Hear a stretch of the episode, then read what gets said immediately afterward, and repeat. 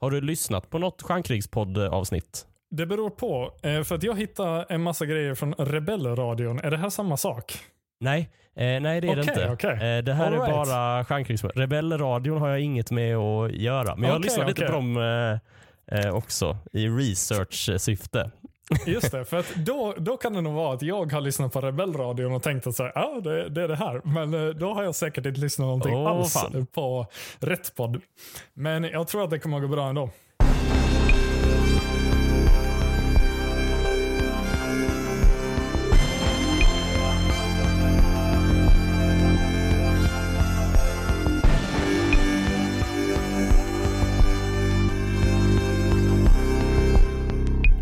Hallå där! Det här är Stjärnkrigspodden som är tillbaka ännu en gång.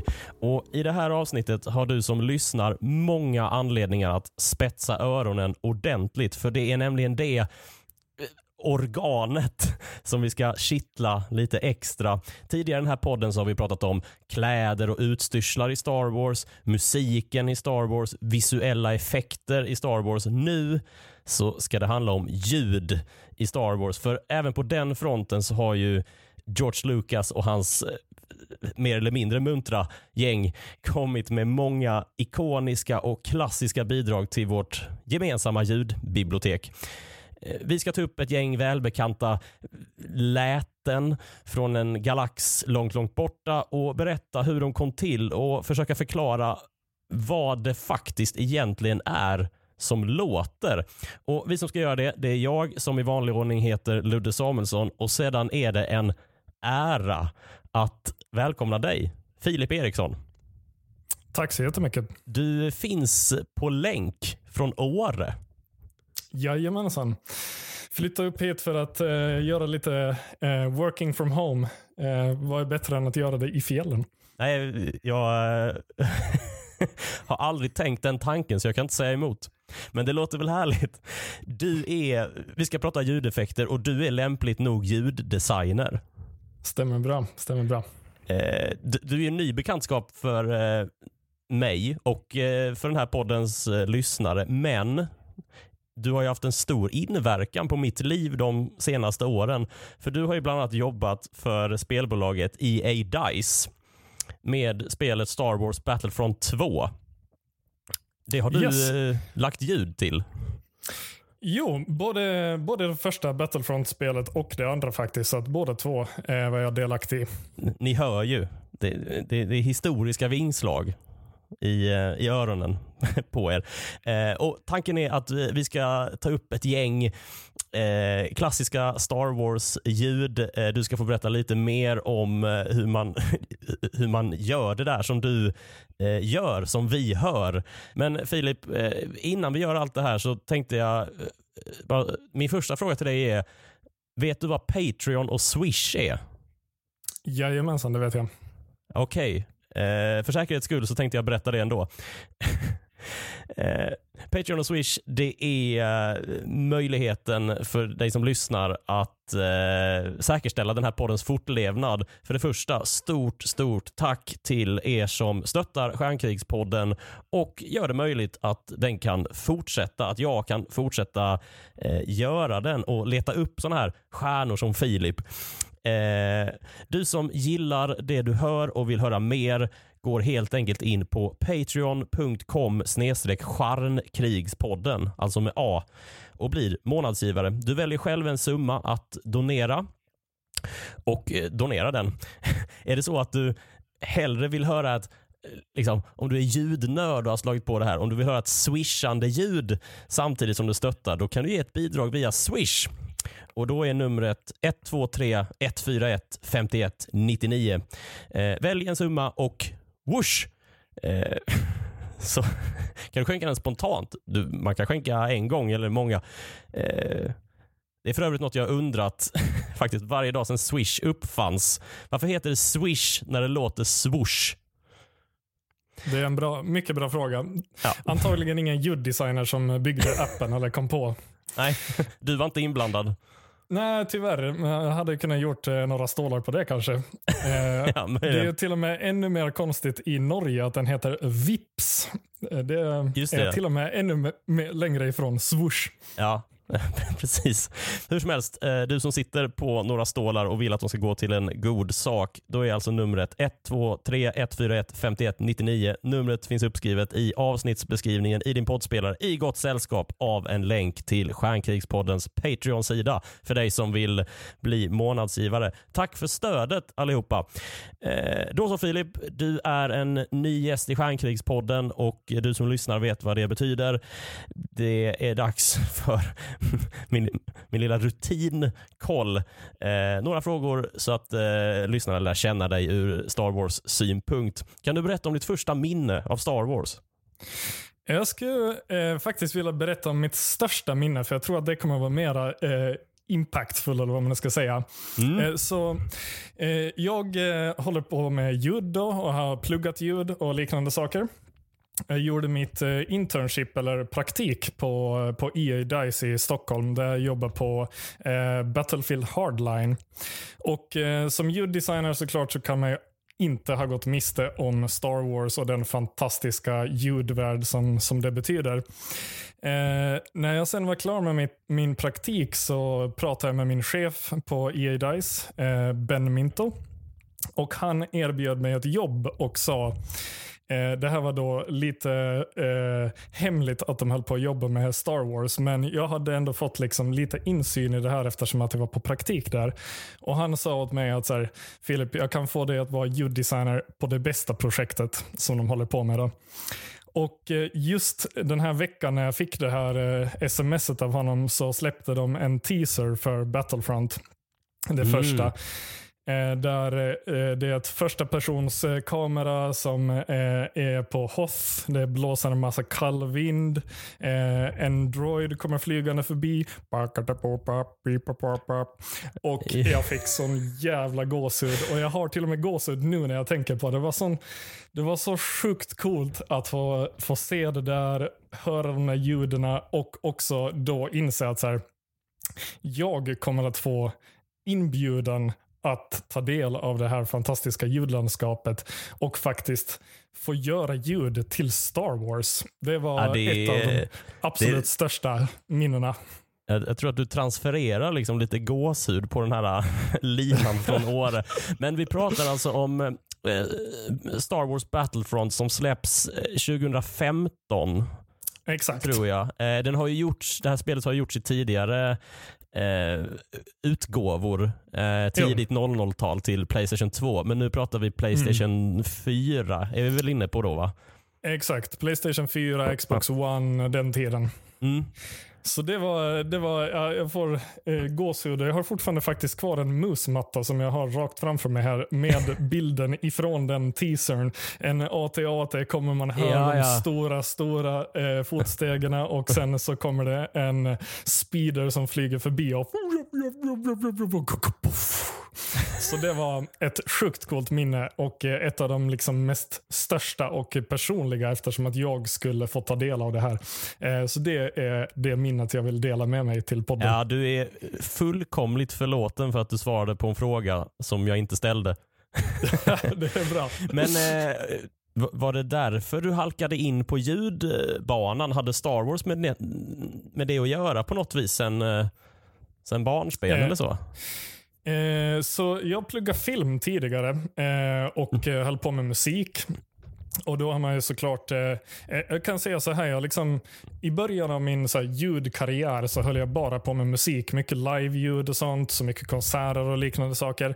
Sen så blev jag intresserad av just ljuddesign-biten. Det kändes som att jag eh, just fick den här gåshuden när jag hörde lightsabers, explosioner, alla de stora grejerna. Jag gillar bas och bombastiska grejer. Eh, och då kunde man ju såklart inte gå miste om Star Wars där heller. Eh, så jag flyttade till eh, Stockholm Stockholm, eh, egentligen ifrån Åland, eh, Finland. Eh, och eh, började plugga filmljud. Och under de tre åren så, så satt jag inne på min, min lilla studio där och eh, försökte göra coola ljudeffekter själv. Lära mig det. Och eh, Sen så fick jag just eh, eh komma och göra mitt, eh, min praktik på EA Dice och det var där jag började med spel. Så att mitt eh, första eh, jobb, om man tar bort den praktiken som jag gjorde där jag jobbade på Battlefield Hardline, så är mitt första spel som jag faktiskt var anställd för att göra Star Wars Battlefront då 2015. om du fick vara en karaktär i Star Wars-världen då, vem skulle du helst vilja vara? Jag gillar Darth Vader. jag, ja. jag, tror att eh, eh, ni skulle borde se mitt eh, kontor som jag vanligtvis sitter i. Eh, just nu på Hazelight så har jag små eh, figurer av eh, Darth Vader på flera ställen. Så jag är ett stort Vader-fan. Jag skulle säga framför allt för att hans andning är så fruktansvärt cool. Och den kunde man ana att, Man kunde ana att det här hade en ljudkoppling alltså. Definitivt, definitivt. Det är... Precis, det var inte för också... hans åsikter kanske. Nej, det kan man lugnt säga. Men eh, epicnessen runt den karaktären, eh, Imperial March såklart. Eh, det kan inte bli mycket tuffare än så i mina öron och ögon. Men om du, eh, om du ska vara ärlig då, vem hade du varit? Vem hade du blivit castad som? Liksom? Det är en bra fråga faktiskt. Du kanske har varit eh, Vader? Jag vet inte. Jag kanske hade varit det. Jag har inte rösten och eh, kanske jag är inte så elak och eh, pompös som jag borde vara egentligen. Så jag kanske hade varit Kanske jag hade varit Hans Solo eller någonting. Ah, där ser man. The Smuggler. Mm. Eh, min tredje rutinfråga, den eh, vill jag att du svarar på, men inte motiverar. Jar Jar Binks, för eller emot? För.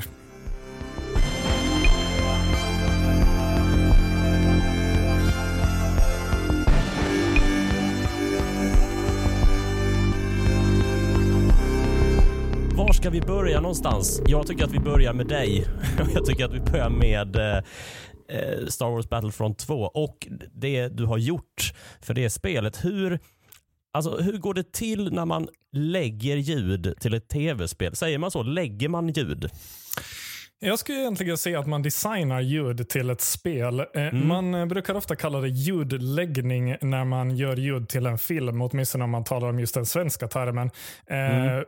Och eh, Där finns också såklart mycket olika så här, subkategorier i, i, den processen. Men, men eftersom att det också är väldigt tekniskt eh, på ett sätt eh, när det kommer till spel så känns det som att man verkligen designar ljuden och då lägger in dem i spelet. Istället mm. för att man på en tidslinje som man gör för en film lägger in ljud. Eh, ja, så jag skulle ja. säga att eh, man ljuddesignar eh, till ett spel.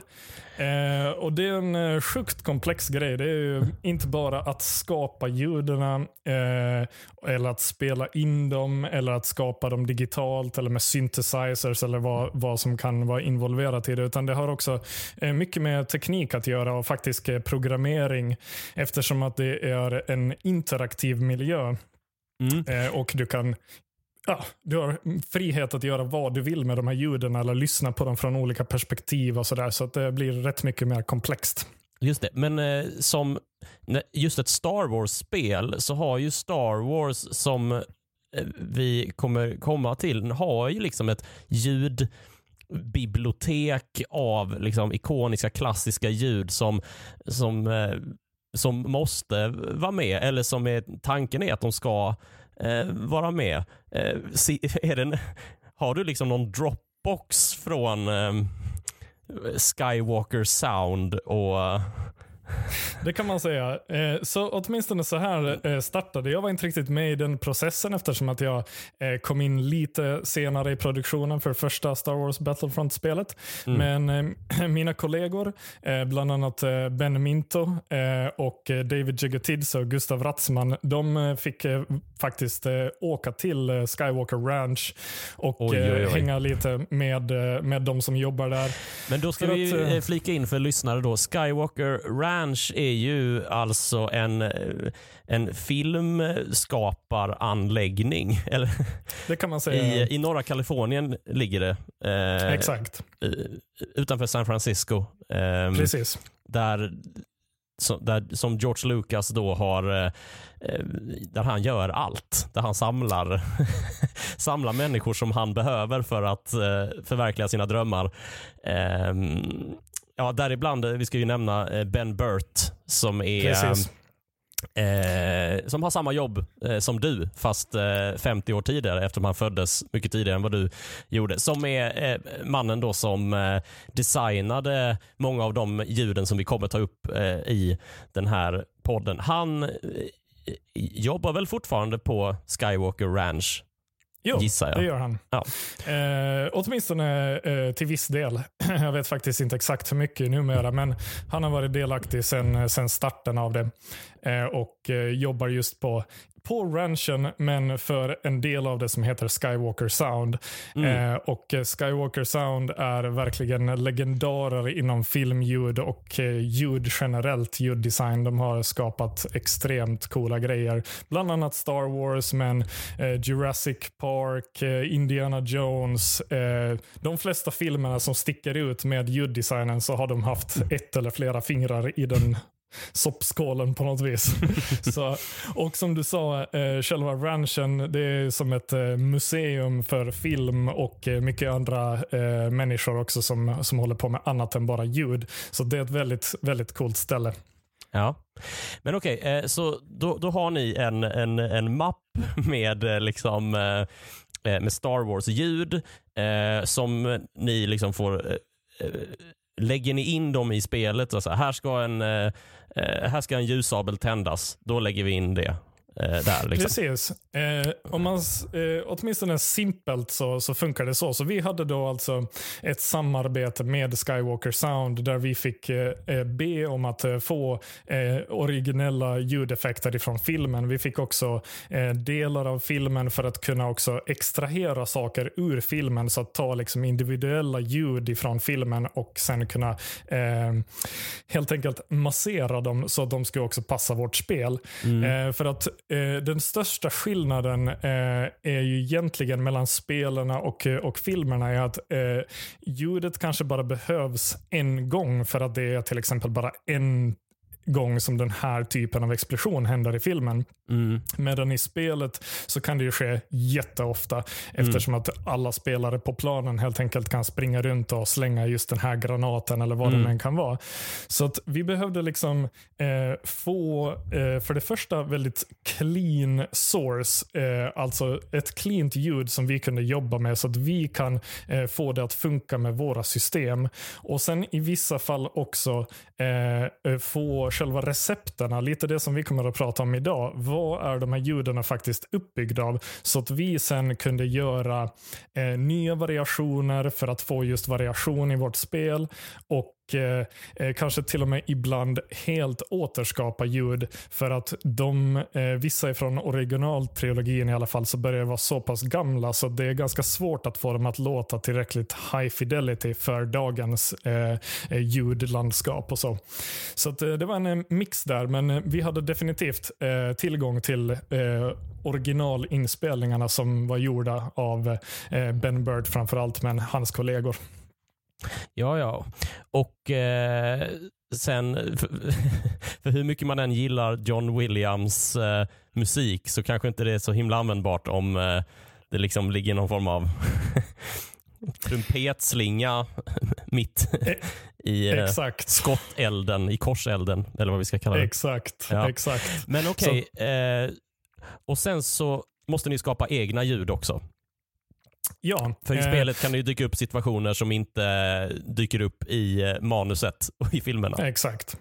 Eh, exakt, så det var ju också en stor del att så här, vi fick ansvaret att eh, inte bara ta hand om de ljuden som redan finns i det här universumet utan också expandera på universumet. Eh, och där om man tänker speciellt på Battlefront 2 som har prequels och Eh, den nya eran och mycket saker från alla liksom, olika typer av Star Wars-media.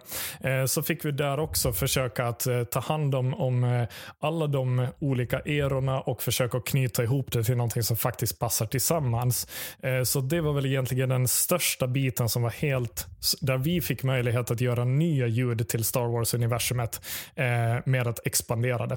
Så att allting som folk känner igen ska ju såklart låta som det ska helt enkelt. Och sen det som vi lägger in ska ju också passa i universumet, men det ska ändå vara nytt och fräscht, men ändå ha den här Star Wars-andan och eh, flavören. Just det. Har du några exempel på eh, ljudeffekter i Battlefront 2 som, eh, som du är liksom extra stolt över? Att, eh, där, som du tyckte att där fick du till det? Liksom?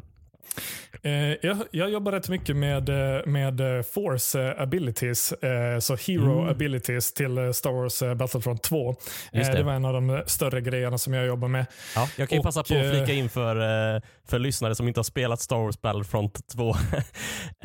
det är ju helt enkelt att man spelar som olika karaktärer i Star Wars och nu är vi inne och pratar på Hero abilities. Man kan välja att spela som sina hjältar utöver liksom stormtroopers och battle droids så kan man ju vara Obi-Wan Kenobi till exempel och då har de lite, de karaktärerna är liksom lite, har lite specialförmågor och många av eh, Jedi-riddarna och Sith-lorderna har ju eh, förmåga att använda kraften. Obi-Wan har en eh, push eh, ability som eh, gör att man kan kasta iväg droids så att de går sönder till exempel. Exakt. Exakt. Så om man tar det här liksom ifrån, ifrån filmerna. Det här var faktiskt en fråga som jag ställde åt Ben Burt när jag träffade honom på ett seminarium. Var så här, varför valde ni att, att ja, aldrig liksom eh, ha Får man göra stopp i pressarna här? Du har alltså träffat Ben Burt. Eh, hör lys- om du som lyssnar har somnat till nu så vi är, nu är du liksom en person ifrån Ben Burt. Det, nu, Exakt. Trä, var, var träffade du honom? Eh, så jag och min eh, kollega, eller audio director eh, Ben Minto, vi drog till Frankfurt för några år sedan på en, ett seminarium som var under en helg där Ben Burt helt enkelt var den som höll det här seminariet. Han pratade rätt mycket om film generellt, men också hans jobb, hans historia, var han kommer ifrån och mycket ljuddesign såklart. Så då fick jag möjlighet att prata med honom själv och ställa en del frågor till honom, vilket var super, super intressant. Och En av de frågorna som jag ställde till honom var just varför de valde i filmerna att inte göra så mycket liksom verkligen så här konkreta ljudeffekter för forcen. Det, mm. Oftast så har man ju det rumbliga baslagret ifrån originaltrilogin i alla fall. Till exempel Darth Vaders uh, force choke. Mm. Och såklart eh, nacken som bryts eller liksom choke-ljudet. Men det är inget riktigt så gamey ljud om man tänker liksom en whoosh eller någonting som verkligen nej, nej. sticker ut. Eh, det finns några andra eh, exempel där det, det, är lite mera ljudlagt som till exempel Darth Maul eh, när han eh, gör sin force push. Men det ljudet är också väldigt, väldigt eh, vad ska man säga, opunchy. Det är liksom inte så, mm. så eh, impactful. Pratar vi om eh, när Darth Maul force-pushar Obi-Wan ner. Ja, det är en väldigt Exakt. intressant, nu är vi inne på en detaljerad detalj i eh, episod 1, Det mörka hotet. Eh, jag måste säga att jag uppfattar nästan det ljudet som musik. Ja, just det. Precis. Det har en eh. del eh, musikaliska liksom, mm. element. Eh. Vad det egentligen är, det här är egentligen en gissning, men, men det är en, eh, en liksom lite utstretchad, nerpitchad, alltså att man sänker tonhöjden på en, mm. på en åska. Eh, så att det är egentligen vad det är eh, gjort av. Men den är ganska mjuk och bara brrr, liksom. Mm. Det, det, är inte Eh, Nej, om man det. jämför då Nej. till exempel eh, Kylo Rens eh, abilities i, i de nyare filmerna så är det verkligen super punchy, väldigt basigt och liksom det bara dånar i hela, i hela biografen när han gör någonting. Så mm. det var lite mer åt det hållet som, som vi ville göra det för spelet. För att annars skulle det bli så luddigt. Man har en väldigt eh, liksom stark eh, visuell effekt men det, det ackompanjeras inte med någon ljudeffekt. Så att Eh, det var då min fråga till, till Ben Burt eh, varför och om han tyckte att, att det var okej okay att göra det helt enkelt. Mm. Och han tyckte att det var det, så att, eh, det var ju bra. Jag Vilken tur. Inte, verkligen. Ja. Så att Eh, några av de grejerna som jag är väldigt stolt över med, med Battlefront 2 eh, är just såklart hela liksom ability-paketet om man tänker så.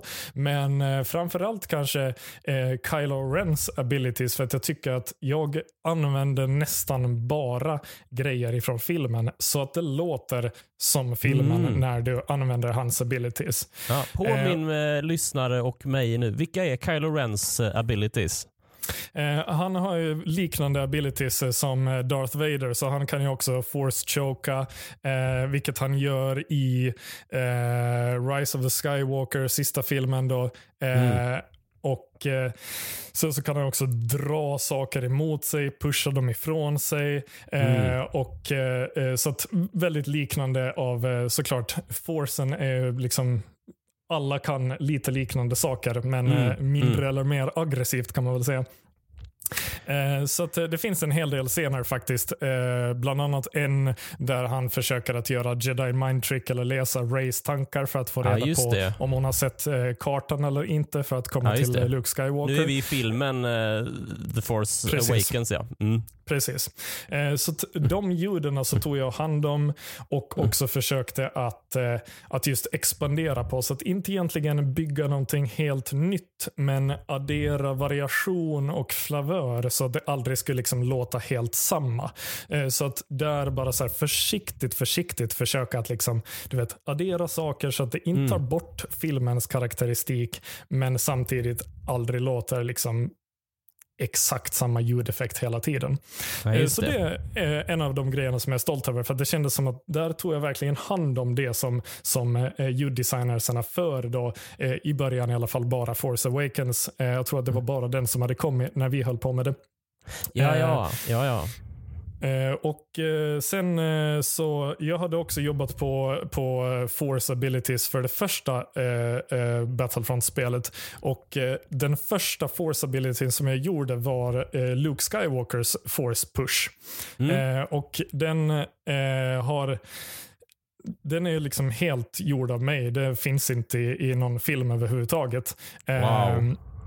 Eh, så det var väldigt kul, men också väldigt nervöst eftersom att det, får liksom, det måste låta bra. Eh, och så att, eh, var den uppbyggd av en del liksom windiga element. Den skulle såklart ha punch också, men, men eftersom att Luke ändå är en av de goda hjältarna så vill man inte heller göra den för aggressiv, utan den ska ha liksom, du vet, någonting mm. Lukigt eh, ja, i den.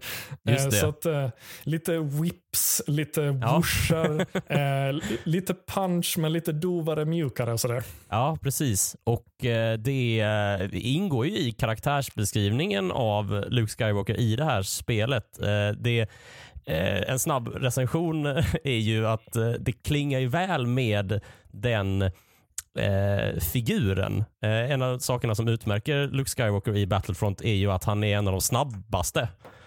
Exakt. Ehm, I kontrast till Vader som är en av de långsammaste. Stämmer bra. Och ja, man vill ju ha någonting, ehm, något, något, väldigt lätt, lätt men ändå kraftfullt. Liksom. Exakt. Wow. Är det samma och, eh, ljudeffekt som är kvar i Battlefront 2? Eh, jag gjorde faktiskt om den lite till eh, Battlefront 2 för att få den att passa bara liksom vårt nya sound kan man säga lite grann. Ja, ja. Men den påminner väldigt, väldigt mycket ändå. Det var bara, du vet, remixa den lite kan man säga egentligen. Jag gjorde faktiskt en presentation om, om just eh, Hero Abilities på en eh, konferens som heter eh, GDC för några år sedan. Jag tror det var 2018. Där som du säger, jag verkligen försökte att titta på så här, karaktärsbeskrivningen, mm. vad de är för karaktär för att försöka hitta karaktären av deras force också. Så att i den presentationen så pratar jag faktiskt om, om Luke Skywalker, jag pratar också om Darth Maul och jag pratar om Kylo Ren. Och och De är också intressanta eftersom att de just är, är med Lukes så vill jag försöka att fånga just den här originaltrilogi liksom soundet på något vis. Mm. Eh, Darth Maul, prequels såklart. Eh, och, så där använder jag lite mera eh, såklart aggressivare grejer eftersom att han är, är en av de absolut mest eh, aggressiva typerna i, i hela sagan. Ja, eh, oh ja. Och eh, lite mera syntiga grejer eftersom att just prequels är lite modernare på det viset och, och har lite mera sådana Just det, ja, och kom fram under 90-talet. Exakt. Och sen då Kylo Ren. Det, det finns alltså från... alltså lite eurodisco inbyggt i Darth Maul. Är det så vi ska tolka det? Lite grann, man kan säga det. Absolut. Lite coola syntar, lite riviga grejer. Ja, det är helt Men... otroligt. Vi är en person ifrån Ben Burt och nu är vi liksom, har vi länkat ihop Darth Maul och E-Type. Det känns ju helt otroligt. Alltså. Ingenting är fel. Någonsin. Så länge det låter rätt. Just det. Ja, ja. Eh, och vad sa du? Kylo Ren? Precis, och Kylo Ren eftersom att han är från den eh, nya eran eh, så, så, så fick jag liksom en, du vet, de ska ju inte bara eh, såklart funka för deras karaktärsbeskrivning och så, utan också eh, verkligen ha rätt karaktäristik för rätt eh, era av storyn helt enkelt.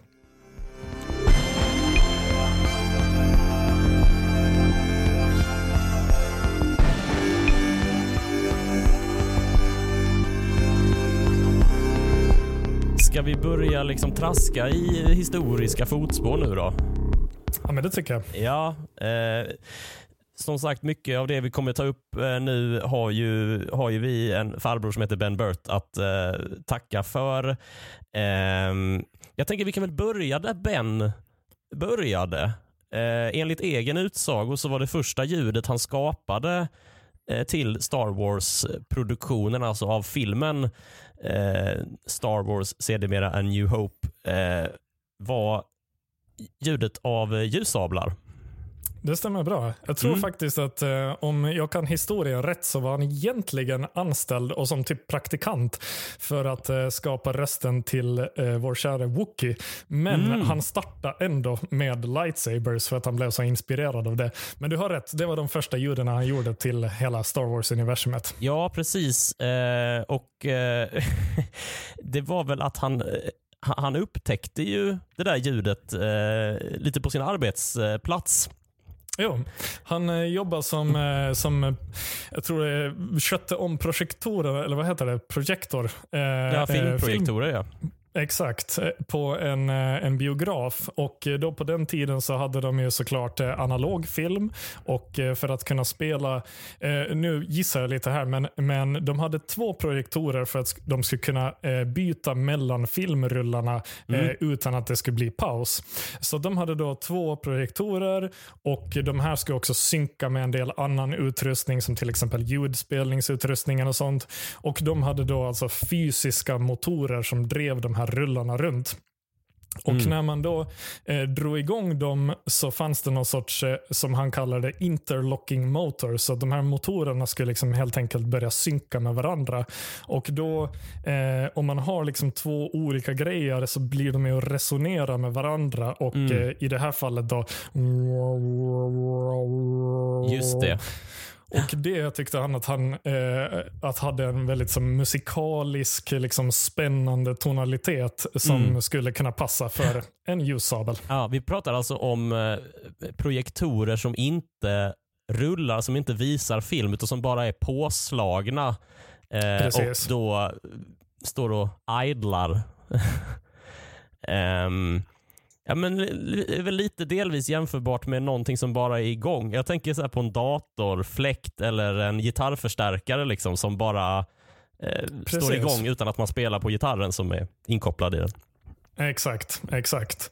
Och det blir att just här få, eftersom att man har två eh, eh, vad heter det, källor av ljud som liknar varandra väldigt mycket så får man just den där resonansen mellan dem. De går, mm. går liksom olika hastighet och det blir någon väldigt eh, spännande eh, karaktär av det där ljudet. Och sen eh, eh, så det är väl egentligen den tonala biten av, av ljussabeln. Ja, precis. För nu pratar vi om ljussabelljudet där, där ljussabeln är bara är, är tänd, alltså påslagen och eh, brummar. Eh, och Det är intressant att det liksom är en, eh, att, en ljusav, att eh, ljudet illustrerar en eh, manick eh, som bara är påslagen med hjälp av ljudet från en manick som just också bara var påslagen utan att Exakt. användas. Och, eh, men vi saknar fortfarande en väldigt viktig komponent för att eh, ljussabeln är också ett väldigt liksom, aggressivt vapen och någonting som mm. är otroligt farligt. Så att eh, eh, Ben Burt kände då att så här, den här, eh, de här eh, projektorerna de hade ett, ett nice hum mm. och, och, ton men det saknades den där aggressiva, raspiga karaktären som också lightsabers har. Och Det fick han, det ljudet fångade han egentligen helt apparat eh, bara av en slump. Eh, han hade en trasig mikrofonkabel eh, och gick runt i sin lägenhet där hemma och hade en gammal tv-apparat. Eller på den tiden var det väl dagens tv-apparat, men idag är det en gammal tv-apparat. Just det, Och, ett television set. Exakt. Och eh, då eh, plockar han upp då alltså elektromagnetisk störning ifrån, det här, eh, ifrån den här tv-apparaten. Så att egentligen är ett ljud som man typ aldrig skulle vilja spela in om man är liksom typ håller på med musik eller någonting liknande. Nej, det är liksom ljudkabeln är sönder. Men i det här fallet, eftersom att vi nu pratar om ljuddesign, så som jag tidigare sa, ingenting är någonsin fel så länge det låter rätt. Eh, så plockar han upp något, eh, ett till hum som också hade lite så skarpa, raspiga, klickande eh, karaktärer. Och med de båda lagren tillsammans då så skapades lightsabers. Det är väl lite sa samma sak som händer när en högtalare i ett PA-system plockar upp en mobilsignal.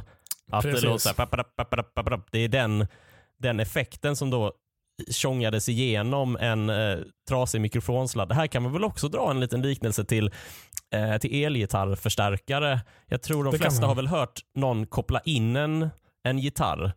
Det sprakar Precis. liksom. Det, det knallar till. Det, det, det blir en bass liksom för att eh, förstärkaren gör jobbet. Den förstärker ju ljudet av klatschen när eh, kabeln sätts in i, i förstärkaren eller i eh, gitarren eller instrumentet. Ja. Ehm, och eh, Det är väl det här som blir eh, liksom en del av, av ljudens, där liksom ljussablar slåss när de fäktas med ljussablarna. Att det, liksom, det låter som att det är något som håller på att eh, eh, att, att någon får en rejäl elektrisk stöt på något sätt. Ja, men liksom. precis. Det låter farligt. Eh, och sen kombinerat med andra eh, ljud. Jag läste att eh, en del av, av de här fäktningsljuden var eh, liksom ett kemiskt experiment egentligen. Att han eh, kombinerade eh, metallbitar med torr is. Så Jo, torr isen eh, förångades väldigt snabbt eftersom metallen är kall eller varm i jämförelse med, med torrisen. Jo, du har helt rätt. Du har gjort din hemläxa, hör jag. Ja, så ja. torr is är ett fantastiskt, Ja. fantastiskt att just använda Jag försöker ju bara få dig att, eh, när du träffar Ben Burt nästa gång så eh, vill jag ju bli nämnd såklart som någon Exakt. som har satt sig in. Ludvig har gjort hemläxan. Ja. Tipsa om, eh, om mig, att jag, jag har läst på. Det ska jag göra. Ja, ja, det är bra. Var var vi någonstans? Jo. Torris. Torris. Det är sällan eh, man är du vid torris, men nu var vi där. Verkligen. Som du säger, så det, det, är just eh, i kontakt med metall så skapar det något verkligen eh, unikt ljud. Och så här, det låter som, som sådana sparks som bara flyger åt olika håll. Typ lite firework-aktigt eller fyrverkerier ska om man pratar svenska. Ehm, och, eh, så det är det som är när två lightsabers clashar mot varandra eh, så spelar han sådana ljud. Liksom. Eh, och det är då eh, eh, eftersom att den här torrisen också börjar vibrera och, eh, och eh, skapar något intressant där med metallen. Sen tror jag också att han hade ytterligare en grej som var involverad där och det var någon sorts väldigt, väldigt gamla eh, filmlampor och sånt som har eh, faktiskt liksom eh, metalltråd eh, i sig. Och när man startar upp dem så, så hade de också ett sånt knastrande elektriskt ljud. Så det är någon sorts kombo av de två. Ja, ja, ja. Och, eh, eh, sånt som är väldigt svårt egentligen att, att eh, till och med spela in idag. För att eh, idag kör vi ju typ bara LED-lampor och, och teknologin har liksom blivit så pass sofistikerad i jämförelse med då. Så att de här ljuden existerar knappt idag, vilket gör dem också så väldigt unika och att de har liksom den här fräscha tonen. Men många av de här ljuden är, kommer ifrån väldigt gammal utrustning och sånt som, som vi med dagens öron inte så jätte så här, eh, vad ska man säga, van med. Eh, men då blir det också för en, ett väldigt intressant ljuduniversum. Ja, och eh, det liksom eh, traskar ju rätt in i vedboden. Eller man ska säga. Det, det klingar väldigt väl, vi ska prata i ljudtermer, det resonerar väldigt väl Exakt. med eh, den här, eh, det här the used universe. Att eh, själva ljudbilden kommer ifrån begagnade och ibland trasiga grejer. Liksom. Eh, det... Har vi något mer att säga om, eh, något mer att säga om ljussablars eh, hemligheter ljudmässigt? Jag kan egentligen eh, bara ta en, eh, en uh, intressant grej och det är om man då tar Kylo Rens lightsaber. låter ju helt annorlunda ja, än de det. tidigare. Så är det ju. Den låter ju inte som att den är byggd av en, vad heter det, riktig ljussabelmakare. Nej, Nej, det känns verkligen den... som att det är något som han har gjort i träslöjden. Liksom. Exakt, Eller metallslöjden kanske. det är kanske metall ja. Eh, den dock eh, är gjord, åtminstone ett av lagren eh, är en spinnande katt. Så att när den låter... Va? Nej, du skojar. Nej, det är sant. Eh, och jag hör det nu när du säger det. Ja, ja exakt. Det, när man hör det så, så, så, kan man tänka på det också. Eh, och det, Katter låter ju sjukt coola faktiskt. Eh, så att om man spelar in en katt väldigt, väldigt, väldigt nära och sen mm. kanske också drar ner hastigheten på det ljudet lite så att det blir just mm. Då får man den där Kylo Rens riktigt, riktigt aggressiva lightsaber. Wow.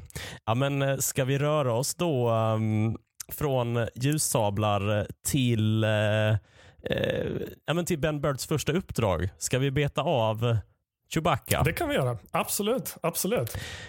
Eh, och eh, där jag vet jag bara att det är björnar har jag skrivit upp i min anteckningsbok. Det stämmer bra. Det stämmer bra.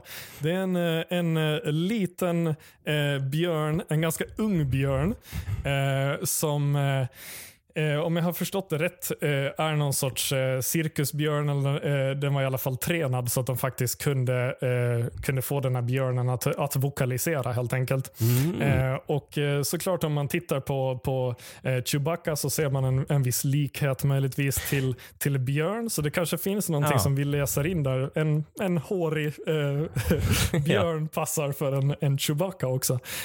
och Det är lite hemskt men också lite roligt roligt. Eh, för att få den här björnen att göra de här eh, letena så, så gav de den mat och sen så tog de bort den här maten ifrån och då var den ledsen och då eh, så det låter väldigt hemskt. Inga djur kom till skada tror jag, men eh, björnen gjorde fantastiska ljud. Ja, och, om det var en cirkusbjörn som du sa så kanske det här var en av, en av dess bättre dagar på jobbet. Det, det tror jag också faktiskt. ja, eh, jag, hörde, eh, jag hörde Ben Burt prata om det här. Eh, jag kan ju säga att mycket av det som eh, eh som vi tar upp har vi också en YouTube-kanal att tacka för som jag eh, hittade. Eh, den heter In-Depth In Sound Design. Eh, och ja, Det de har gjort i alla fall är att de har klippt ihop eh, lite kommentatorspår från liksom, Eh, Eh, de här Blu-ray-utgåvorna av eh, Star Wars-filmerna där det finns liksom eh, där, där, Ben Burt då eh, kommenterar liksom hur, eh, hur han gjorde olika ljud och så har de klippt ihop det med, ehm, med lite så poddintervjuer med Ben Burt och gjort väldigt pedagogiskt. jag, tänker, jag lägger en länk till den Youtube-kanalen i avsnittsbeskrivningen så kan du som lyssnar gräva ner dig i ännu fler ljud än vad jag gissar att vi kommer hinna ta upp eh, idag. Där hörde jag Ben Burt i alla fall eh, nämna en kul grej om den här björnen som eh, lånar ut sitt läte till eh, Chewbacca. Eh, att det lirade väldigt bra med själva eh, Chewbacca-dräkten, eller själva masken.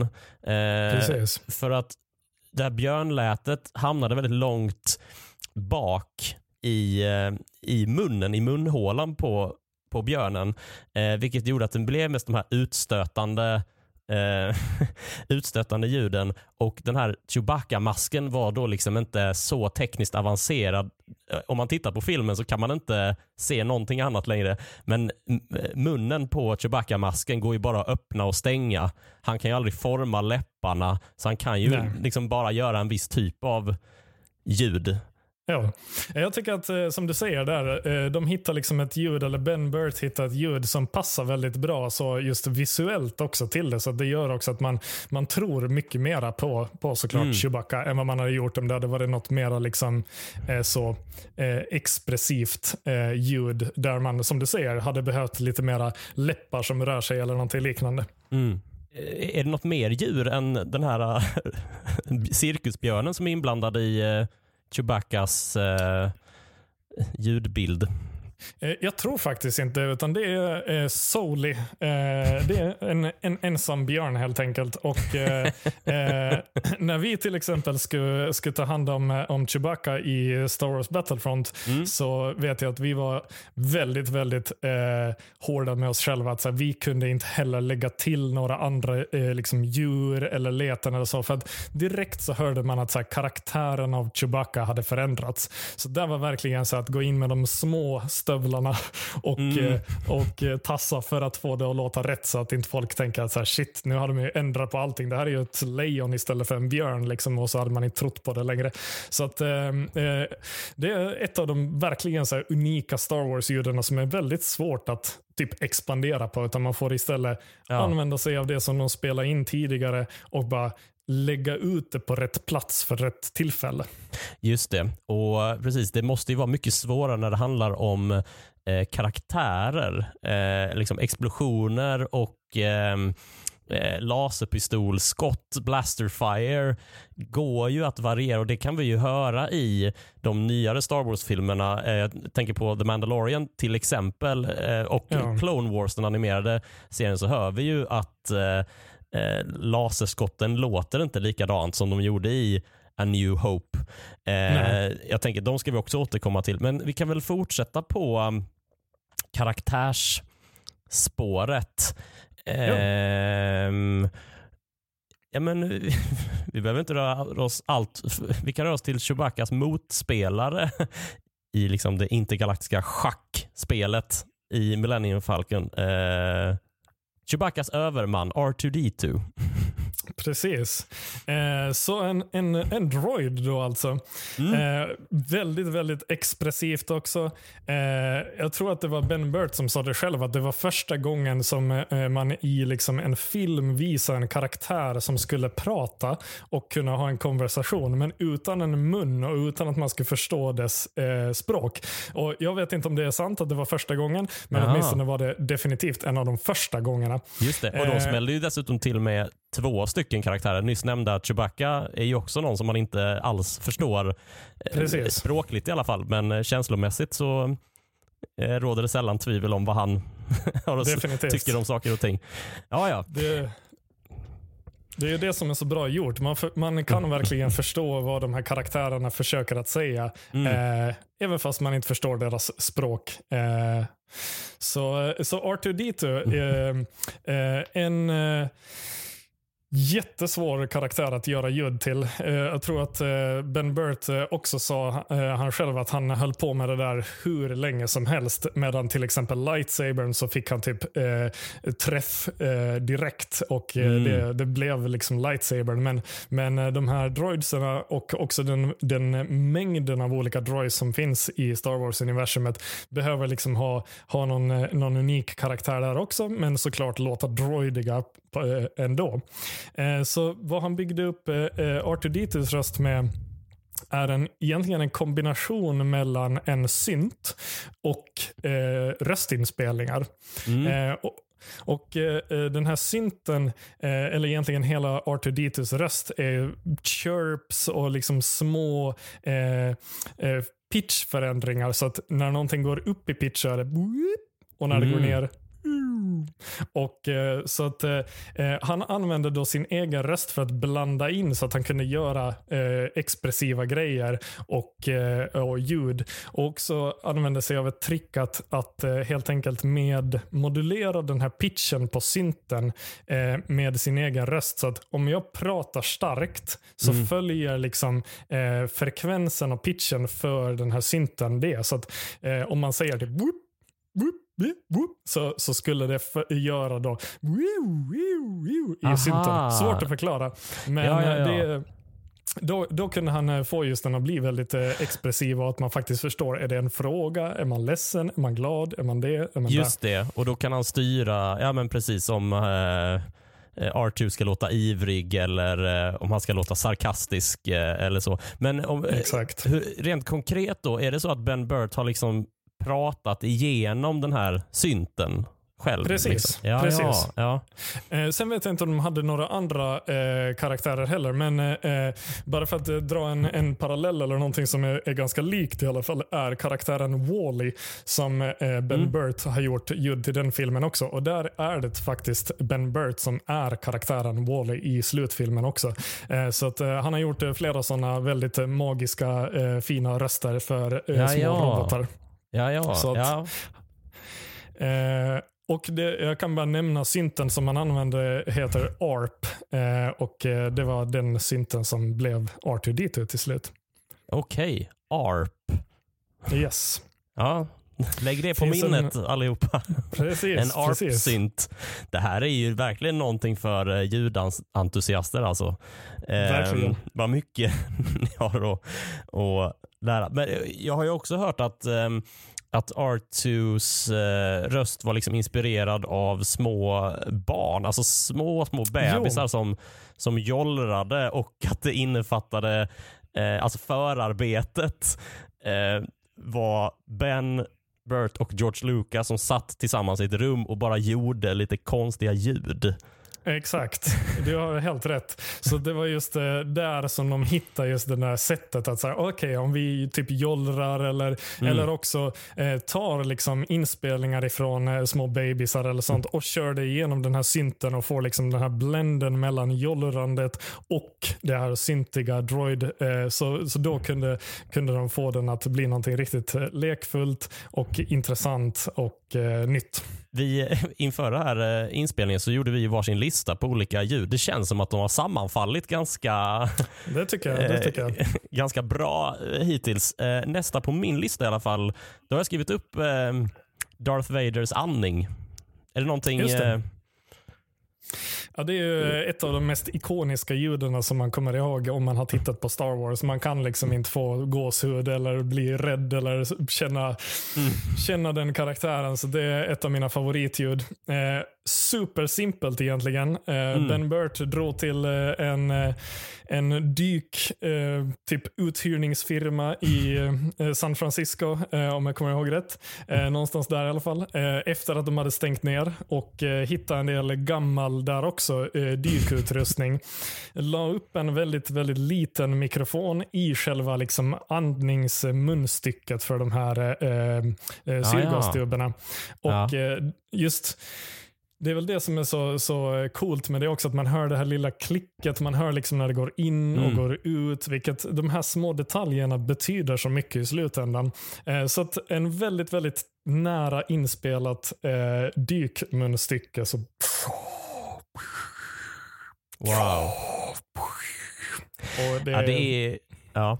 För det, även där så hade ju Ben ganska mycket att göra. Ehm, eh, enligt egen utsago så hade han väldigt många idéer till hur Vader skulle låta. Det han visste var att han hade någon slags andningsapparatur och att eh, han hade väldigt många, liksom, att han var delvis en robot och hade många liksom, livs uppehållande system. Fri Ja. översättning av life support systems. ja, exakt. Eh, och eh, Ben har ju själv eh, berättat att han jobbade mycket med att det skulle vara klickande ljud, att man liksom skulle höra att det var olika delar av hans dräkt som, som rörde sig. Men sen när, själva, när det kom till själva ljudläggningen av filmen så skalades nästan allting bort för att Ja. det mest störde eh, liksom, hur man uppfattade vad störde dialogen och vad som hände i filmen. Men så blev Exakt. bara andningen kvar. Och eh, Kanske tack vare att eh, den också låter ganska mekanisk. Den har ju Ja. faktiskt en liten klickande... Eh, Precis. Just med det, det när, man, när han drar in och ut andningen så hör man det där lilla klicket. Ja.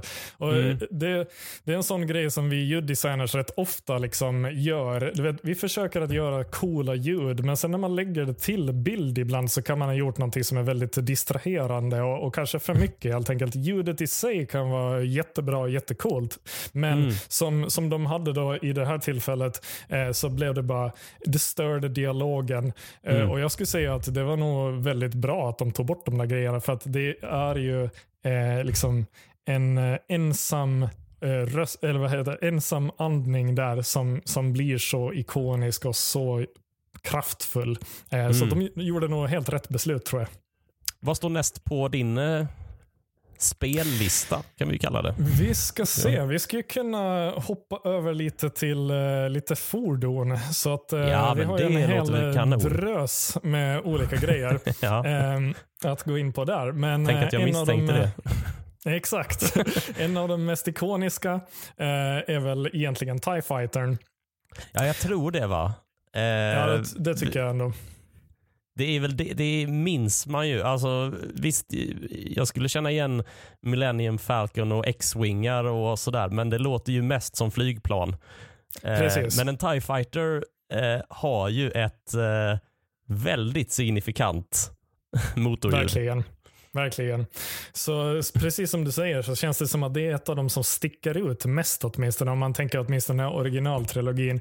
Mm. Um, och um, där så eh, användes eh, ett djur. Eh, så att eh, det var inte bara björnar som de använde för eh, Star Wars utan det finns en hel drös med olika djur som används i andra applikationer än just karaktärer också. Så vad de använde var, eller vad Ben använde var en elefant som helt enkelt skriker. Och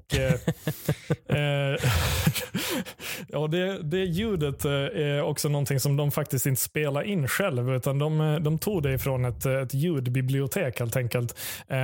Tidigare och också idag så använder vi ljuddesigners rätt mycket inspelningar som, som eh, har gjorts tidigare eller gjorts för andra filmer eller bara gjorts för att man ska kunna sälja de här ljudeffekterna. Eh, samtidigt som vi ofta spelar in egna grejer också eller skapar egna grejer. Men ibland så kan man behöva bara få något som man inte själv kan liksom fånga eller ha råd att fara och spela in eller sånt. Nej, eller ha så, tid att göra. Det var exakt. ju inte helt lätt i mitten av 70-talet att eh, hitta exakt, bara man visste ett ljud. Och Då var det inte självklart att man bara kunde gå ut och hit, få det ljudet på beställning. Eh, och Hur många elefanter finns det i the Bay Area? Exakt, det var helt, helt korrekt. Så de använde ett som hade spelats in till en film som heter Roots of Heaven. Mm -hmm. eh, och eh, Så det är där elefantljudet eh, kommer ifrån. Eh, den eh, filmen är från eh, 58, 1958. Eh, och Det här elefantljudet, jag har liksom sökt igenom eh, olika ljudbibliotek efter coola elefanter tusen gånger känns det som. Eh, det finns ingenting som låter så coolt som det här TIE Fighter elefantljudet. det är verkligen one of a kind. Så att där också, eh, ibland så, så kan man inte bara fånga liksom de här ljuden igen eftersom att det också är djur som gör dem. Ja. Och, eh, eh det, gäller ju, alltså, det, det gäller ju inte bara att hitta en elefant, det gäller ju att reta upp den också.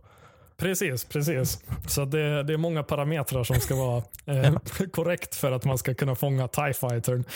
Eh, och Sen så adderar han här också, någonting som vi också gör eh, rätt mycket i ljuddesign är att vi just lägger lager på lager. Så att vi bygger upp, vi kanske tar då en elefant och sen så lägger vi på ett till ljud på det för att liksom mixa ihop det till någonting nytt. Eh, så, ja, då, ja, så, att eh, inte, så att inte alla liksom, elefantexperter i biosalongen tänker, vad fan det där är ju ingen elefant. Den är ju grå och, och så vidare, men eh, det där har ju jag förstör deras upplevelse.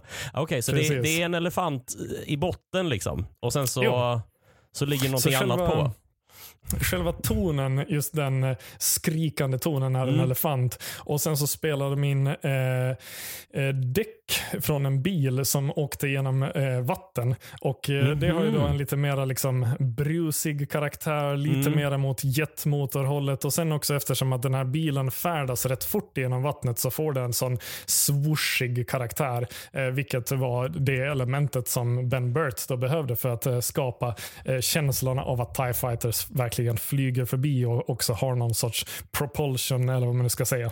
Nej, precis. För elefanter i all ära, men de är inte de snabbaste det har du rätt i. i världen. De, de ger liksom inte skenet av hastighet på något sätt. Men det Exakt. finns det säkert, eh, de springer säkert fortare än vad jag tror. Eh, men, eh, men för säkerhets skull så, så använde sig Ben Burt av någon slags fordon jo. också. Ja, ja. Är det något mer lager alltså ovanpå den här elefant, bil, däck Och, Det är typ så enkelt eh, faktiskt. Ah, Det ja. är det som är, är lite eh, det coola med, med Star Wars också, som eh, jag måste eh, ge en eloge åt för Ben Burt. För att de här grejerna är ofta rätt liksom simpla uppbyggda, men de är precis rätt grejer för rätt ställe. Liksom. Och Det är det som gör tror jag att de också känns så, så coola och så taktila och att de har sitt eget liv. Så att, eh, inte för mycket. Man kan också göra bort sig liksom, som ljuddesigner och lägga lager på lager på lager på lager på lager och till slut så vet man ingenting. Det liksom bara låter som en gröt. Eh, så det. att, eh, men det har inte han gjort eh, misstaget att göra. eh, har vi några fler? Eh, nu är vi i kategorin fordon. är det några fler som, som finns med där i den. I den lådan? Eh, vi kan ju ta ett ifrån eh, eh, från Rogue One faktiskt. Eh, wow, spin-off-film eh, från 2016. Precis. Eh, där har vi då Director Krennic Mm. som har ett väldigt eh, spännande skepp. Det ser eh, rätt eh, fantastiskt ut. Eh, visuellt också ett stort, stora vingar, triangulärt. Mm. Och eh, Varför jag gillar det här eh, fordonet så mycket för att det, det, det är det första ljudet egentligen som man hör när man startar Rogue One. Efter texten och musiken så har vi en vista över en, eh, några planeter och då hör man ett ljud som kommer in som och då får man också gåshud eh, som ljuddesigner i alla fall. Eh, och eh, Det var inte gjort faktiskt av, av Ben Burt eh, utan av eh, en eh, ljuddesigner som heter Christopher. Eh, och han, eh, han då försökte hitta ljud för det här eh, fordonet och eh, hade någon kompis som hade en jättestor traktor, en gammal, gammal traktor som eh, de han ringde och frågade honom om de kunde eh, starta upp helt enkelt. Och den här motorn, då, eh, traktormotorn, så hade ett väldigt så pulserande, djupt eh, ljud. Och sen såklart så använde han en del liksom eh, så kallade plugins, alltså ljudeffekter som, som han applicerar på den här traktorljudet, eh, eller traktormotorn. Men eh, det, jag tycker att man ändå hör just sourcen där också. Det, det finns någonting väldigt så bullrande, evolving, coolt och väldigt, väldigt nice gjort. Det ska jag lyssna efter. Jag måste se om filmen. Det här var inte ett Ja, ljud du som, jag, som jag direkt eh, hör. Men eh, jag, jag tycker att du, eh, du ger mig en fin ehm, eh, en, en ledtråd. Ja, ja det hur finns, ska- eh, du, du behöver inte se, se filmen eh, så långt faktiskt. Nej, precis. Det för, första och typ andra klippet så har Ja. man det här skeppet och där Precis. eh, kommer gåshuden att vara på 100%. Just det. Din, din ljudtekniker Star Wars, eller ljuddesigner Star Wars maraton måste gå mycket fortare än eh, alla oss andras. Utan det är man lyssnar på sin favoritgrej och sen så stänger man av. Nej, jag, jag ser hela filmerna. Aldrig bara halva eller en scen eller någonting. Okej. Jag kunde Ja, ja. till och med, eh, när jag jobbar på en, en kul anekdot ifrån när jag jobbar på spelet, så vi måste ju såklart alltid kolla på filmerna och du vet, Mm, referenslyssna och så. Eh, och Då kunde det vara så att man börjar vid just den scenen där man visste så här, okej, ja, men här händer det här ljudet. Men Mm. alldeles för ofta så tryckte man på play och sen så bara fortsätter man och fortsätter och fortsätter titta och så bara, åh shit, nej, men just det, jag ska ju jobba också. så det är lätt att tappa bort sig. Ja, det, det kan jag verkligen förstå. Det låter som en väldigt trevlig arbetsdag. Definitivt. Ja. kan vi uppmuntra alla eh, lyssnare. Ja, ja. Jag tänkte att vi skulle väl eh, försöka pra- prata lite, ehm, eh, lite vapen också va? Det kan vi göra. Då har vi då Blasters. Eh, Ja. och Det var väl också något av de första grejerna som jag tror att Ben Burt började eh, experimentera med och sådär. Mm, och det här var ju Eh, också och- en slump ju. Exakt. Så mycket av det är slump, men eh, man ska vara vid rätt tillfälle vid rätt tidpunkt för att hitta de här grejerna. Mm. Så ben Burt var ju tydligen- på fotvandring. Precis. Och råka liksom eh, röra till en eh, någon sorts, eh, eh, vad heter det på svenska? Wire. Ja, det är en vajer, tänker jag mig. Vajer, precis. Det är så kul nu att det är en historia som vi båda kan och så gärna vill berätta. Exakt, du får köra. Gör det. Jaha, nej då. Vi, nej, vi fyller i varandra. Jag, har, Bra. jag fyllde i ordet vajer. Vad hände sen? Vajar, exakt. Han, han var då ute på, på vandring eller någonting liknande. Råkade dra i den här vajern och då gjorde den ett ljud som typ låter så här. Mm. Och då kände han direkt att så här, fan, det här är ju blasters. Ja, vi, vi pratar ju om en vajer från en eh, liksom, eh, telefonstolpe eller en radio elledning. Liksom. Eh, Exakt. Och jag eh, tror att jag inte har fel när jag säger att det var till och med hans ryggsäck som fastnade i den. Du har helt rätt. Ja, du ser. Du ser. ja, men och sen därefter så uh, insåg jag att det där ska jag, när jag kommer hem och har med mig något att spela in så ska jag hitta en stolpe. Han gör det. Han hittar en liknande stolpe och sen har han med sig liksom en verktygslåda och slår med olika skiftnycklar på de här vajrarna för att de ska eh, liksom vibrera eh, ja. och göra ett twang. Det kanske jag gjorde. Ett litet twang då som, som blir eh, blasterfire. Det som karaktäriserar liksom blastern på något vis är just att man får de, de höga frekvenserna först och de lägre frekvenserna sen. Och, så det blir just den här grejen. Just och om det. den då går snabbt så blir det pju, pju, pju. Ja, ja. Och det är egentligen för att, eh, om vi ska gå in på fysik här, så för att eh, eh, metall har mycket högre densitet än luft och hit och dit så att olika frekvenser i metall så kommer att ta längre tid för det att färdas igenom det här materialet. Så därför betyder det att om man eh, liksom, eh, slår till med till exempel en hammare eller någonting liknande på en vajer så åker det här ljudet som i början egentligen bara är en pang eh, upp genom vajern och sen tillbaka och då kommer de höga frekvenserna först och de lägre sen och då blir det och där, där ser man. Nu lär vi oss någonting nytt. Det här är ju liksom eh, grundprinciperna för en gitarr ju. Det kan man säga. Eller åtminstone en stålsträngad gitarr, om vi pratar om metall då. Precis, precis. Och eh, så att, eh, Ben Burt han var ju också eh, skolad fysiker. Han gick, gick någon sorts fysikprogram så att han hade bra koll på det där antar jag.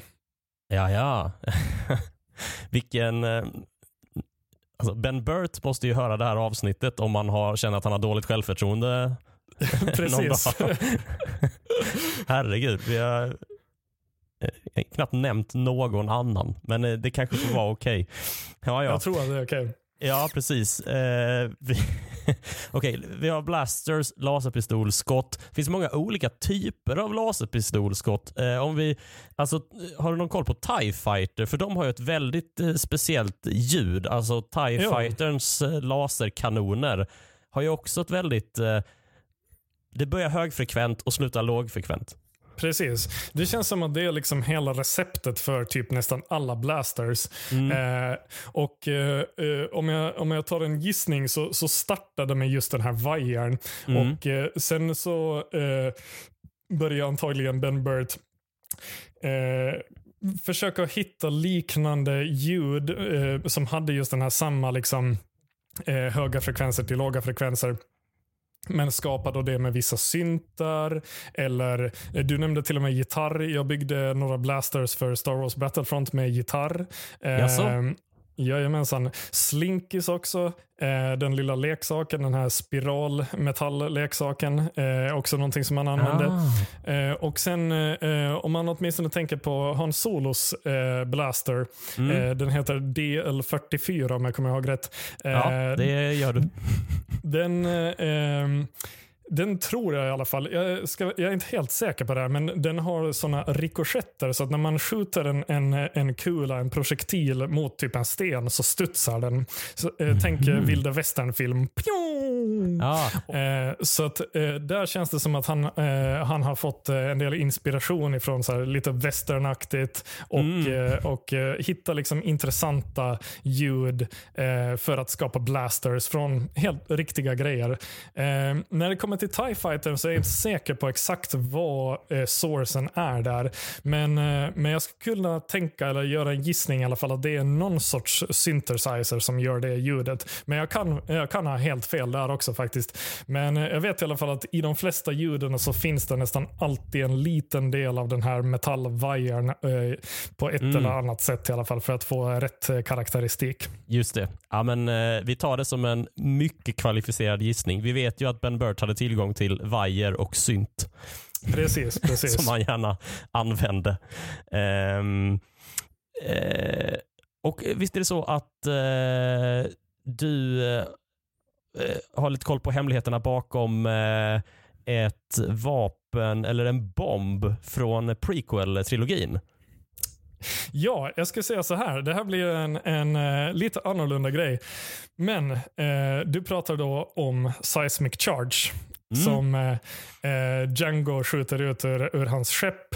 Och eh, Det är ett av de coolaste ljuden i hela Star Wars-universumet. Vi eh, är också. i eh, episod två. Klonerna Exakt. anfaller. Ehm, eh, Obi-Wan jagar prisjägaren Django Fett genom ett asteroidbälte. Det här och den här Seismic Charge återkommer ju faktiskt i The Mandalorian. Jo, och Det är faktiskt exakt samma ljud. Och Det är intressant Jo. för det är ju liksom inget ljud. Fast det är ändå ett Nej. ljud. Precis. Så, eh, som så mycket annat inom ljud så är liksom, man, man måste bara vara lite våghalsig, våga göra liksom drastiska saker för att, eh, för att få eh, publiken att verkligen känna att så här, shit, nu händer någonting. Och Då kan det mest kraftfulla vara att inte ha något ljud alls som är mer kraftfullt än att ha något ljud, vilket eh, såklart är lite konstigt att säga, men det är verkligen så.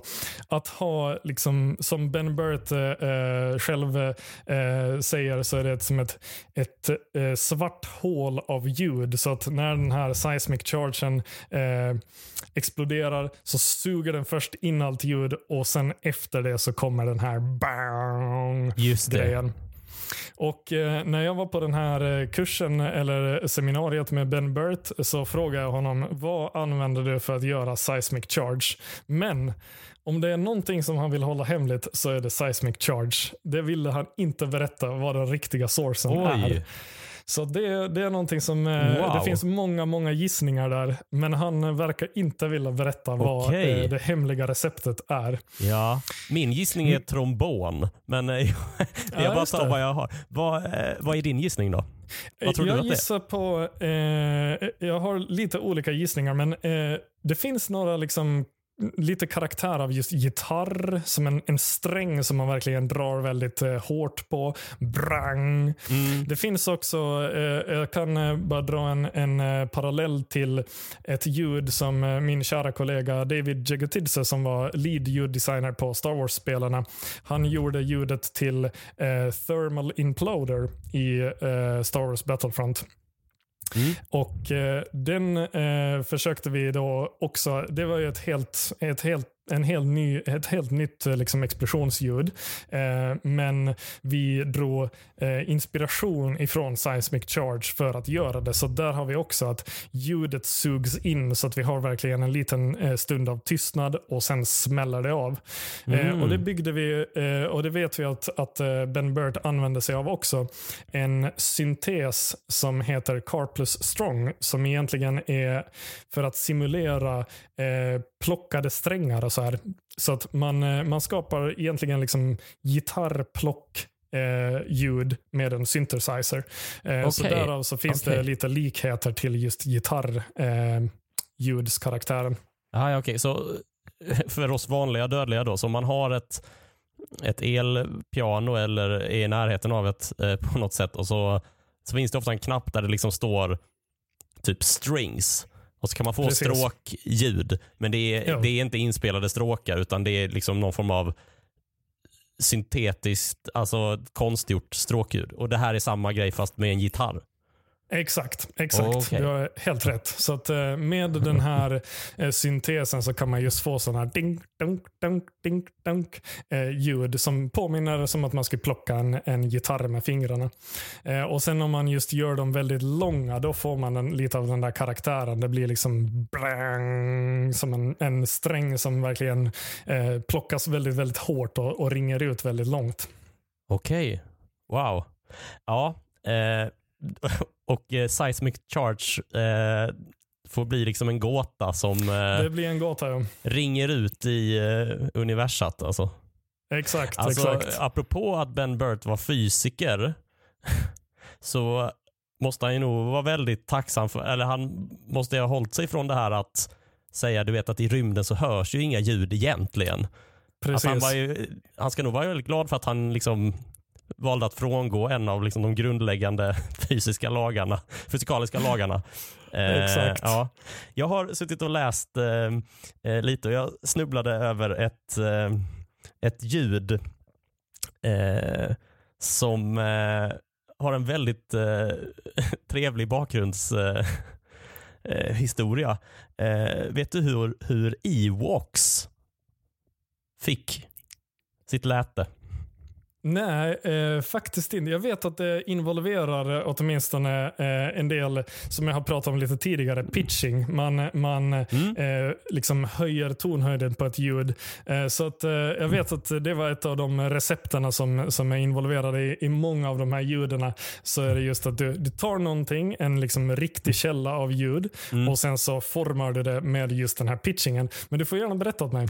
Ja, eh, och jag tänker att vi kan använda det för att knyta ihop den här säcken med någon form av röd eh, tråd. För den ständigt omnämnda eh, Ben Burt använder sig inte bara av grejer, alltså det vill säga vajrar och syntar, Precis. eh, eh, och filmprojektorer för den delen.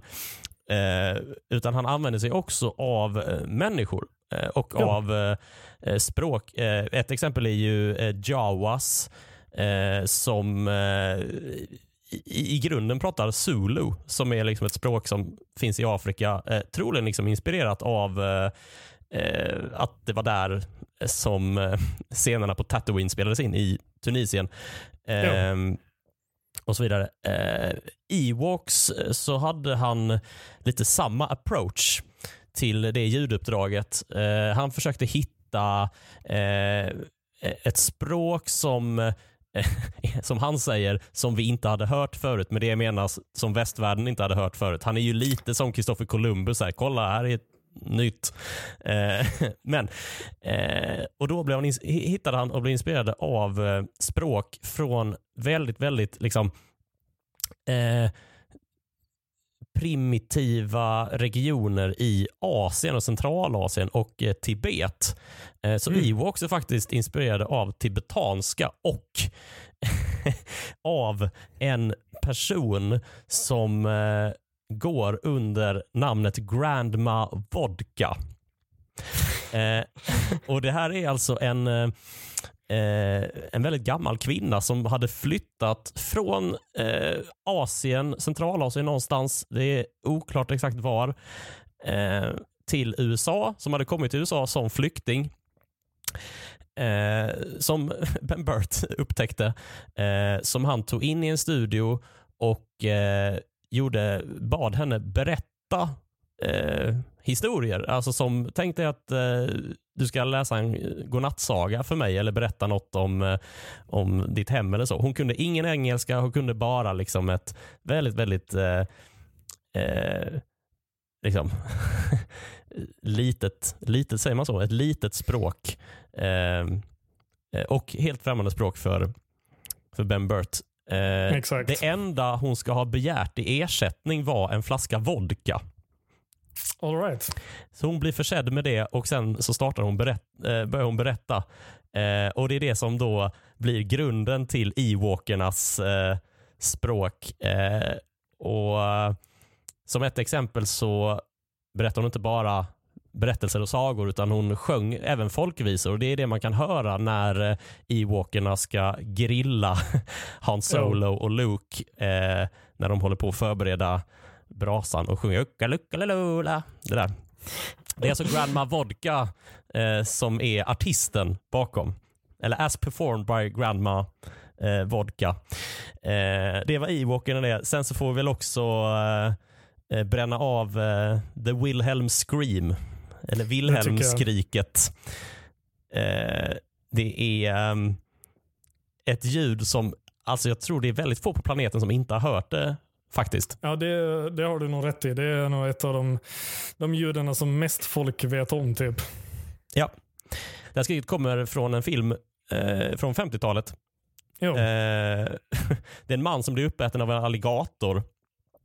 Eh, det var när Ben Burt skulle göra ljud till Star Wars så hittade han eh, ett band eh, med märkningen man som blir uppäten av alligator.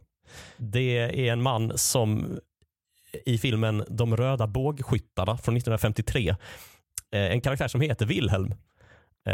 Som sen fick då, ja, det var väl någon som skulle falla eller på något sätt i Stjärnornas krig och ehm, ja, då kan vi väl använda det här skriket och eh, sen så har det då blivit ett intern skämt på Skywalker Sound att Precis. lägga in det. Det är med i alla Star Wars-filmer. Eh, det är det. Och det är även med... i, i, Indiana Jones och Exakt. Jurassic Park. Eh, så här. Enligt eh, Ben Burt själv kallar Wilhelmskriket a big joke that got out of control. Det, ska jag säga, det är en väldigt bra beskrivning. Det känns som att eh, idag så, så hör man det till och med Det spelar ingen roll vad du tittar på för film eller för tv-serie eller någonting så finns det alltid ett Wilhelm Scream där i. Mm. Eh, till och med jag eh, har gjort det så att i mitt eh, senaste spel som jag gjorde ljudet till så måste vi såklart ha Wilhelm Scream på ett ställe. Wow. Eh, är det så att du får berätta vilket spel det är eller är det fortfarande hemligt? Jo, jag kan berätta det. Så att, eh, mitt senaste spel som jag jobbar på är släppt av eh, Hazelight eh, och heter It takes two. Där ser man. Du, eh, Filip Eriksson, är det något mer ljud som vi eh, inte har tagit upp som vi bör ta upp jag känner att eh, vi har ju tagit upp eh, de stora klassikerna. Sen så den här eh, ljuduniversum är sjukt stort så att vi hade kunnat sitta här i en vecka tror jag och prata innan vi hade fått slut på idéer. Men det, det känns det känns som att med Ewoks och Grandma Vodka så har vi slutat på topp. ja, ja. Filip Eriksson, tack för att du tog dig tid. Tack så jättemycket. Verkligen. Är det något som eh, utöver spelet It takes two som eh, du har på gång som eh, du vill dela med dig av till lyssnarna? Ja, tyvärr så är det ju som så ofta, allting är så väldigt hemligt eh, tills det släpps. Men, så så jag har ingenting riktigt som jag kan berätta, men eh, Hazelight håller på med någonting stort och det kommer att bli skitcoolt. Det är väl typ vad jag kan säga. Ja, men då så. Eh, och Du som har lyssnat, du har lyssnat på Stjärnkrigspodden. Eh, den kan man stötta. Då går man in på patreon.com stjärnkrigspodden och blir månadsgivare om man så önskar bli. Eller så swishar man ett litet bidrag eh, på nummer 123 141 51 99. Jag som eh, gör det här heter Ludde Samuelsson och vill man mig någonting så finns jag på sociala medier under att Ludde Samuelsson. Tack för den här gången. Vi hörs nästa.